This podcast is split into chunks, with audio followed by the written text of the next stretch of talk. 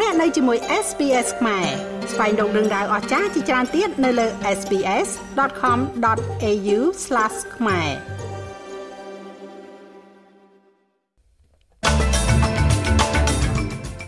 អូស្ត្រាលីនឹងបង្កើនការទទួលយកជនភៀសខ្លួនតាមលក្ខខណ្ឌមនុស្សធម៌រហូតដល់ទៅ20,000នាក់ក្នុងមួយឆ្នាំទេសាភិបាលធនាគារកណ្ដាលចានចោលការបង្កកថ្លៃជួលចំនួនមនុស្សស្លាប់ដោយសារភ្លើងឆេះព្រៃនៅលើកោះហាវ៉ៃឡើងដល់ជាង50នាក់ហើយ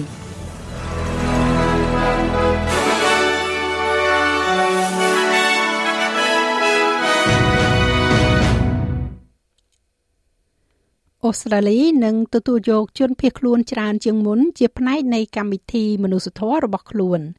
ឥឡូវនេះអូស្ត្រាលីនឹងទទួលយកមនុស្ស20,000នាក់លើហេតុផលមនុស្សធម៌ជារៀងរាល់ឆ្នាំដែលកើនឡើងពីចំនួនកាលពីមុន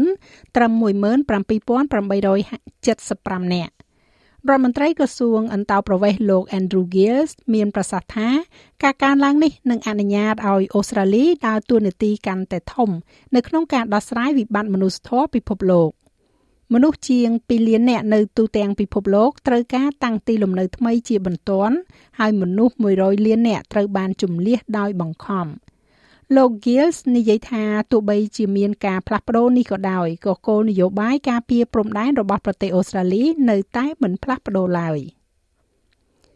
អគ្គទេសសាភិបាលធនាគារកណ្ដាលចិត្តផុតអាណត្តិគឺលោក Philip Lowe បានបដិសេធការបង្កកថ្លៃជួល ជាការឆ្លើយតបទៅនឹងវិបត្តិលំនៅឋាន។គណៈបក Greens បានស្នើសុំឲ្យមានការបង្កកថ្លៃជួល ពួកគេបានបង្ហាញពីការស្រាវជ្រាវបណ្ណាល័យសភានៅសប្តាហ៍នេះ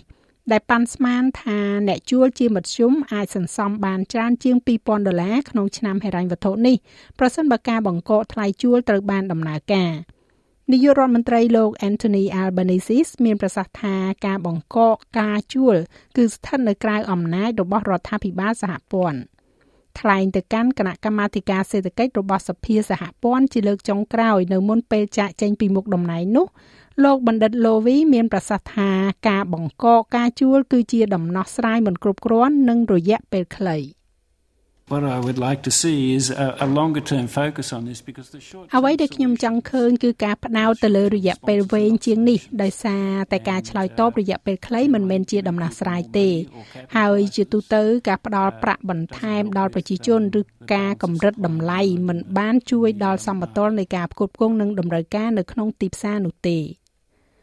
លោកបណ្ឌិតលូវីមានប្រសាសន៍ថាទិន្នន័យចុងក្រោយបំផុតកំពុងតែលើកទឹកចិត្តតកតងទៅនឹងអតិផរណានឹងធ្លាក់ចុះក្នុងរយៈពេលសមស្របមួយខណៈពេលដែលអ្នកអត់ការងារធ្វើក្នុងពេលដំណើរគ្នានៅតែមានកម្រិតទាបប៉ុន្តែលោកថាការដំឡើងអត្រាការប្រាក់បន្ថែមទៀតនៅតែអាចទៅរួចគណៈបកប្រឆាំងសហព័ន្ធកំពុងតែចោទប្រទេសចិនចំពោះទង្វើខុសខើនៅក្នុងការប្រព្រឹត្តចំពោះអ្នកកសែតអូស្ត្រាលី ឆេងឡេចុងសប្តាហ៍នេះនឹងប្រារព្ធខួប3ឆ្នាំចាប់ពីលោកស្រីលេដែលជាអតីតអ្នកកសែតនៅស្ថានីយទូរទស្សន៍រដ្ឋចិនត្រូវបានជាប់ពន្ធនាគារនៅក្នុងប្រទេសចិនលោកស្រីនៅតែស្ថិតក្នុងការឃុំឃាំងហើយបានចេញនៅសេចក្តីថ្លែងការណ៍មួយក្នុងនោះលោកស្រីបានរំលឹកពីពេលវេលារបស់លោកស្រីនៅប្រទេសអូស្ត្រាលីយ៉ាងរីករាយនិងបង្ហាញពីព័ត៌មានលម្អិតដ៏អាក្រក់នៃការឃុំឃាំងរូបលោកស្រី។ លោកស្រីនិយាយថាលោកស្រីអាចឈរក្រោមពន្លឺថ្ងៃបានប្រហែលជា10ម៉ោងប៉ុណ្ណោះក្នុងមួយឆ្នាំ នៅក្នុងបន្ទប់ពន្ធនាគាររបស់លោកស្រីរ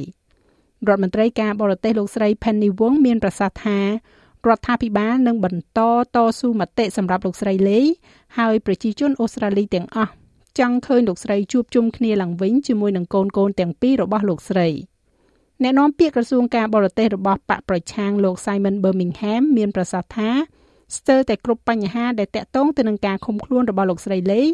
គឺមិនអាចទទួលយកបានទេ The words of Chung Lei are both beautiful in their poignancy ពាក្យសម្ដីរបស់លោកស្រីឆេងលីទាំងសោកសៅនិងគួរឲ្យសង្វេគនៅក្នុងភាពខុសខើដែលពួកគេលាតត្រដាង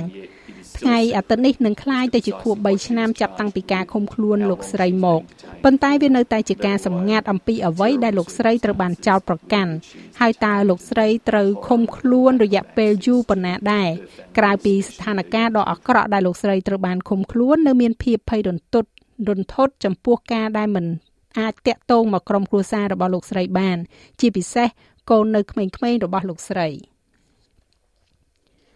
ប៉ូលីសនៅក្នុងរដ្ឋអូស្ត្រាលីខាងលិចកំពុងតែស៊ើបអង្កេតទៅលើការស្លាប់របស់ជនជាតិដើមភាគតិចម្នាក់ដែលកំពុងជាប់ឃុំ។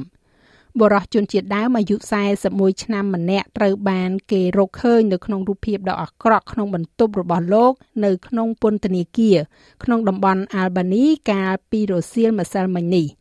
បុគ្គលិកពន្ធនាគារបានផ្ដល់ជំនួយសង្គ្រោះបឋមរហូតដល់គ្រូពេទ្យរថយន្តសង្គ្រោះបន្ទាន់មកដល់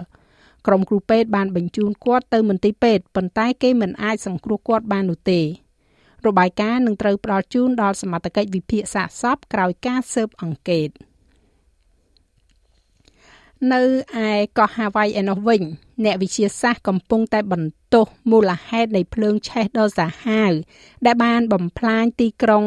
ឡាហៃណានៅលើកោះម៉ៅអ៊ីនៅកោះហាវ៉ៃថាមកពីអ្វីដែលគេហៅថាគ្រោះរាំងស្ងួតភ្លាមភ្លាមដែលបណ្ដាលមកពីការប្រែប្រួលអាកាសធាតុ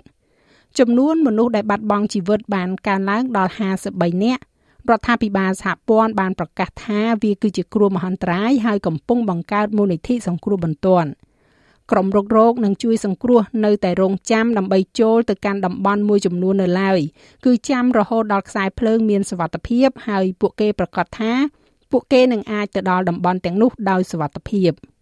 អ្នកជំនាញខាងជលសាស្ត្រនៃសាកលវិទ្យាល័យ Virginia លោក Venkat Lakshmi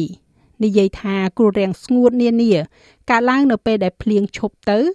ហើយវាក៏ក្តៅខ្លាំងដែលបរិយាកាសស្រូបយកសំណើមចេញពីដី លោកថាការប្រែប្រួលអាកាសធាតុគឺជាកត្តាមួយ Climate change exacerbates the extremes ការប្រែប្រួលអាកាសធាតុធ្វើឲ្យវាកាន់តែធ្ងន់ធ្ងរឡើងដូច្នេះអ្នកនឹងមានទឹកជំនន់និងគ្រោះរាំងស្ងួតកាន់តែញឹកញាប់ឡើង។ជនជាតិអាមេរិកដើមកំណើតអ៊ីរ៉ង់ចំនួន5នាក់ត្រូវបានផ្ទេរពីពន្ធនាគារឲ្យទៅឃុំឃាំងនៅក្នុងផ្ទះវិញនៅក្នុងប្រទេសអ៊ីរ៉ង់ វាត្រូវបានគេចាត់ទុកថាជាជំហានដំបូងនៅក្នុងកិច្ចព្រមព្រៀងដ៏លំបាកមួយដែលនឹងអនុញ្ញាតឲ្យអ្នកទោសទាំងនេះចាក់ចេញពីប្រទេសអ៊ីរ៉ង់នៅប្រហែលជាខែក្រោយ។ជំហានបន្ទាប់គឺពាក់ព័ន្ធទៅនឹងមូលនិធិអ៊ីរ៉ង់ជាង9000លានដុល្លារដែលត្រូវបានបង្កកនៅក្នុងប្រទេសកូរ៉េខាងត្បូងក្រោមការដាក់ទណ្ឌកម្មរបស់សហរដ្ឋអាមេរិកប៉ុន្តែរដ្ឋមន្ត្រីការពារប្រទេសសំទោស ប៉ុន្តែរដ្ឋមន្ត្រីក្រសួងការបរទេសរបស់អាមេរិកលោក Anthony Blinken មានប្រសាសន៍ថានេះមិនស្មើទៅនឹងការបន្ធូរបន្ថយទណ្ឌកម្មនោះទេ Iran will not be receiving any sanctions relief and in any instance អ៊ីរ៉ង់នឹងមិនទទួលបានការបន្ធូរបន្ថយទណ្ឌកម្មណាមួយឡើយហើយក្នុងករណីណាក៏ដោយដែលយើងនឹងចូលរួមនៅក្នុងកិច្ចប្រឹងប្រែងបែបនេះដើម្បីនាំយកជនជាតិអាមេរិកពីប្រទេសអ៊ីរ៉ង់ត្រឡប់មកវិញ មូលនិធិរបស់អ៊ីរ៉ង់ផ្ទាល់នឹងត្រូវប្រើប្រាស់និងផ្ទេរទៅកាន់គណនីកំហិត ដែលប្រាក់អាចប្រើប្រាស់បានសម្រាប់តែគោលបំណងមនុស្សធម៌តែដោយអ្នកដឹងហើយគឺត្រូវបានអនុញ្ញាតនៅក្រោមការដាក់ទណ្ឌកម្មរបស់យើង។នៅប្រទេសកម្ពុជាឯណោះវិញ គណៈបកប្រជាជនកម្ពុជាបង្ហាញនៅសមាជិកភាពសមាជិករាជរដ្ឋាភិបាលថ្មី ដែលដឹកនាំដោយលោកហ៊ុនម៉ាណែតកាលពីល្ងាចថ្ងៃទី10ខែសីហាម្សិលមិញនេះនៅវិមាន7មករាដែលជាទីស្នាក់ការកណ្ដាលគណៈបកប្រជាជនកម្ពុជាក្នុងរាជធានីភ្នំពេញ។ តាមរយៈរូបភាពដែលបានផ្សព្វផ្សាយបង្ហាញថាសមាជិករាជរដ្ឋាភិបាលអាណត្តិទី7មានលោកហ៊ុនម៉ាណែតជានាយករដ្ឋមន្ត្រី មានឧបនាយករដ្ឋមន្ត្រី10រូបនិងទេសរដ្ឋមន្ត្រី11រូបនិងរដ្ឋមន្ត្រី30រូបលោកហ៊ុនម៉ាណែតនាយករដ្ឋមន្ត្រីថ្មីរបស់កម្ពុជាបានលើកឡើងថាកត្តាសំខាន់បំផុតរបស់គណៈបកប្រជាជនកម្ពុជា ក្នុងការថែរក្សា ប្រៀបឈ្នះពីអតីតកាលក្នុងពេលបច្ចុប្បន្ននិងតទៅអនាគតគឺកត្តាសាមគ្គីនិងឯកភាពផ្ទៃក្នុងគណៈបកចាស់ហើយលោកមេងផល្លានឹងជួនសេចក្តីរាយការណ៍លម្អិតនៅវគ្គក្រោយជាបន្តទៀតឬលោកអ្នកអាចចូលស្ដាប់របាយការណ៍ពេញលើគេហទំព័រ sbs.com.au/ ខ្មែរ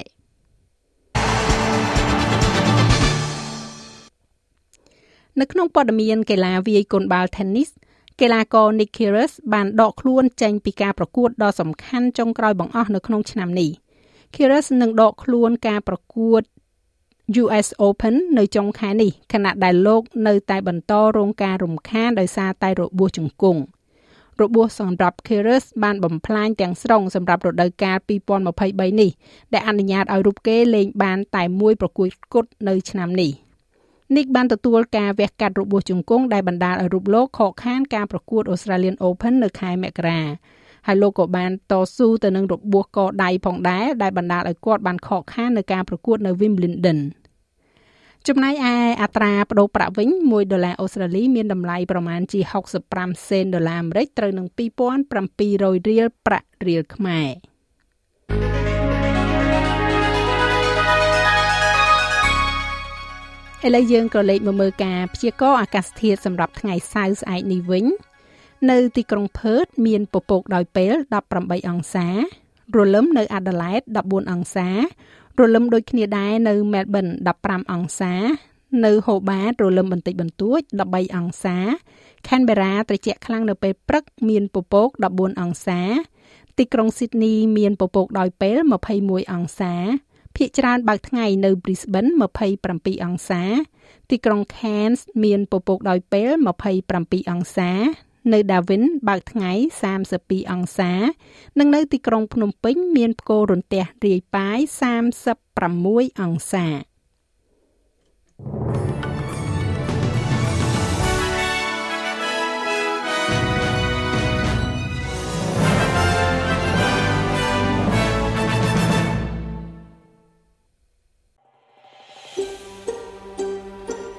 ចង់ស្ដាប់រឿងរ៉ាវបែបនេះបន្ថែមទៀតទេ